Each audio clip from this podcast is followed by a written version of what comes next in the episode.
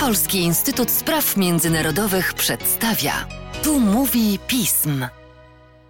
Dzień dobry. W podcaście Polskiego Instytutu Spraw Międzynarodowych witam Państwa Łukasz Jasina i witam Agnieszkę Logucką, dawno niesłyszaną w podcaście, ale jakże mile oczekiwaną. Dzień dobry Agnieszko. Dzień dobry, dzień dobry.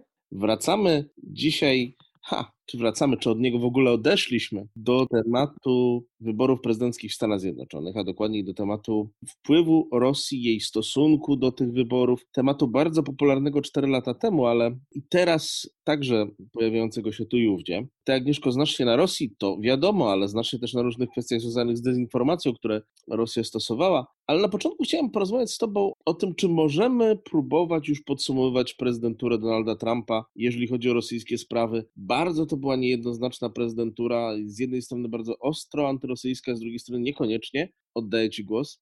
Tak, dziękuję bardzo. No długo mnie nie było, ale to różne zawirowania zdrowotne zatrzymały mnie przed robieniem tych podcastów. Jestem.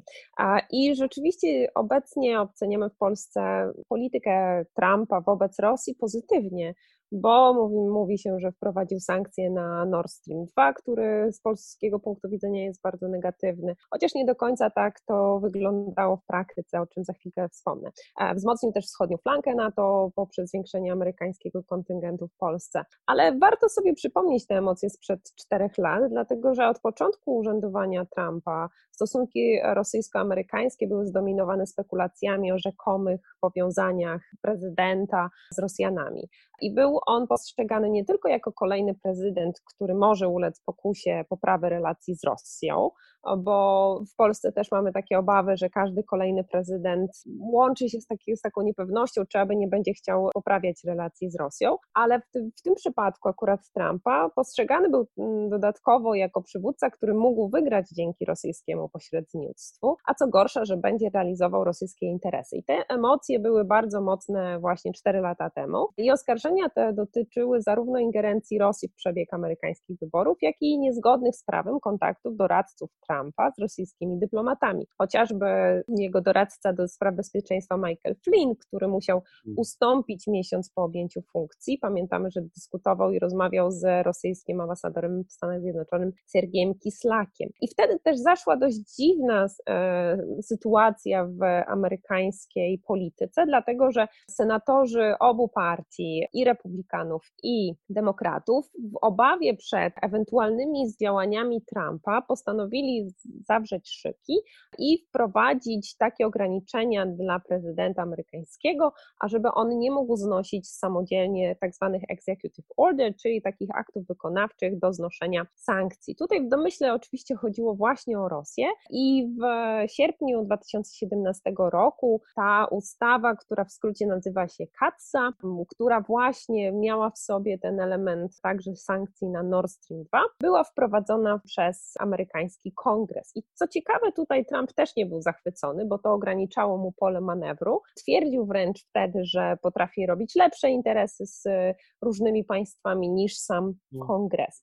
I tutaj też właśnie o Nord Stream 2 trzeba to podkreślić, że mamy duży konsensus, jeżeli chodzi o Kongres Amerykański w wprowadzaniu sankcji na Nord Stream 2. Sam Władimir Putin i Donald Trump też się spotkali w lipcu 2018 roku. No i tutaj też bardzo mocno krytykowano Trumpa za to, że wyraża taką admirację dla silnego przywództwa Putina, natomiast sam oskarżył własne służby bezpieczeństwa, które zajmowały się właśnie tymi badaniami dotyczącymi ingerencji Rosji w amerykańskich wyborach. Więc potwierdzę Twoją tezę, że działalność Trumpa wobec Rosji, czy też Władimira Putina jest bardzo skomplikowana i wielowarstwowa i taka też, która odnosiła się do jego polityki wewnętrznej, jego rozgrywek w partii republikańskiej. I tutaj możemy ostatecznie powiedzieć, tak jakby podsumowując jego cztery lata, że ostatecznie wyszło na to, że była to prezydentura bardzo antyrosyjska, w tak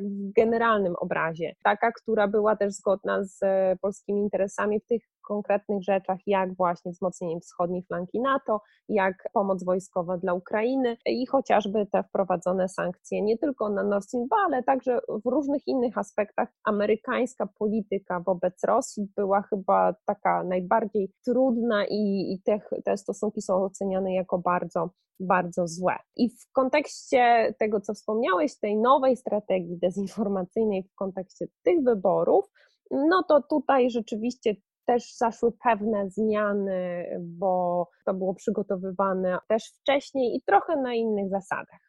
Dokładnie. Fajnie, że zaczęłaś ten temat. Mamy rok 2020. Nie opowiemy o tym w całości, ale jak w roku 2020 wyglądała strategia i techniki dezinformacji Rosji wobec wyborów prezydenckich? Czy to było podobnie silne zjawisko jak 4 lata temu? Zdecydowanie Rosjanie zmienili techniki dezinformacyjne.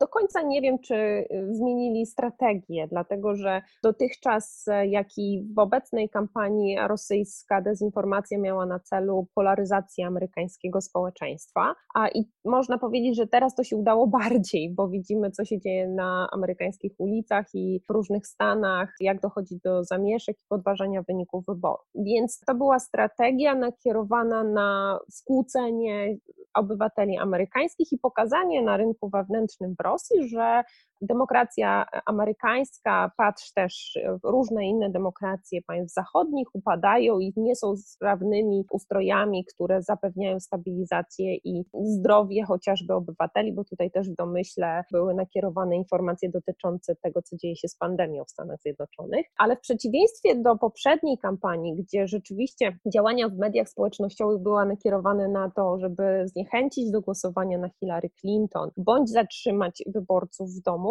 Teraz w lutym jeszcze amerykański wywiad podał, że to, co dzieje się w mediach społecznościowych, to wspieranie dwóch kandydatów. Z jednej strony Trumpa, a z drugiej strony Berniego Sandersa. Co może trochę dziwić, no biorąc pod uwagę to, co, o czym rozmawialiśmy wcześniej, że, że no Trump niekoniecznie prowadził bardzo pozytywne relacje z Rosją, ale chodziło właśnie o polaryzację społeczeństwa amerykańskiego i zasianie tej nienawiści po dwóch skrajnych stronach amerykańskiego społeczeństwa.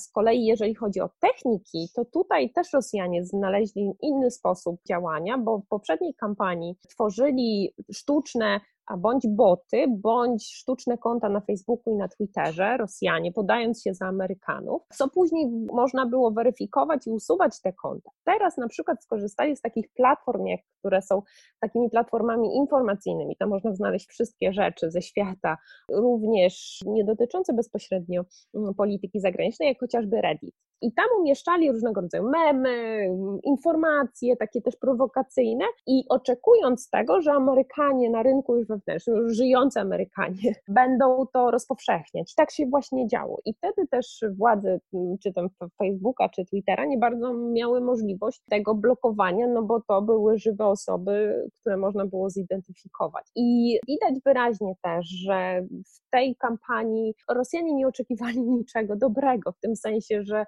i wybór Donalda Trumpa, i wybór Joe Bidena jest dla nich równoznacznie zły. Z jednej strony Trump, no to był brak zmiany, a z drugiej strony właśnie nowy, prawdopodobnie nowy prezydent, który będzie zaprzysiężony w styczniu przyszłego roku. To też nie jest kandydat, który jest przez Rosję postrzegany jako ten, który mógłby rozpocząć kolejny reset. No i tutaj wchodzimy już na trzeci element, czyli właśnie oceny bądź też perspektyw Joe Bidena i jego stosunków do, do, do Rosji, prawda? Bo rozmawialiśmy też o tym, że istnieją obawy, czy nowy prezydent będzie znowu zaczynał swoją kadencję od krótkiego bądź dłuższego miesiąca miodowego z Rosją. No ja nie oczekuję takich działań ze względu na to, że z kilku powodów tak naprawdę. Z jednej strony to, że Joe Biden był tym, który próbował odkręcać reset, czyli to, co my pamiętamy jako negatywne zjawisko zaprowadzone przez Baracka Obamę, poprawę relacji z Rosją. To jest ekipa demokratów, która musiała te wszystkie związane z e, resetem negatywne e, zjawiska, jak chociażby agresja Rosji na Ukrainę i później odkręcanie tej polityki i postawienie się w pozycji takich jastrzębi, to właśnie była rola też Bidena. On wizytował i w Polsce, i na Ukrainie i zna te uwarunkowania polityki rosyjskiej w tym regionie. To, z czym na pewno możemy się zmierzyć w przyszłości, to próby mm, rozmów rozbrojeniowych z Rosją, ale to są kwestie, które zupełnie oderwane powinny być od takiego twardego stanowiska Stanów Zjednoczonych pod nową administracją wobec Rosji.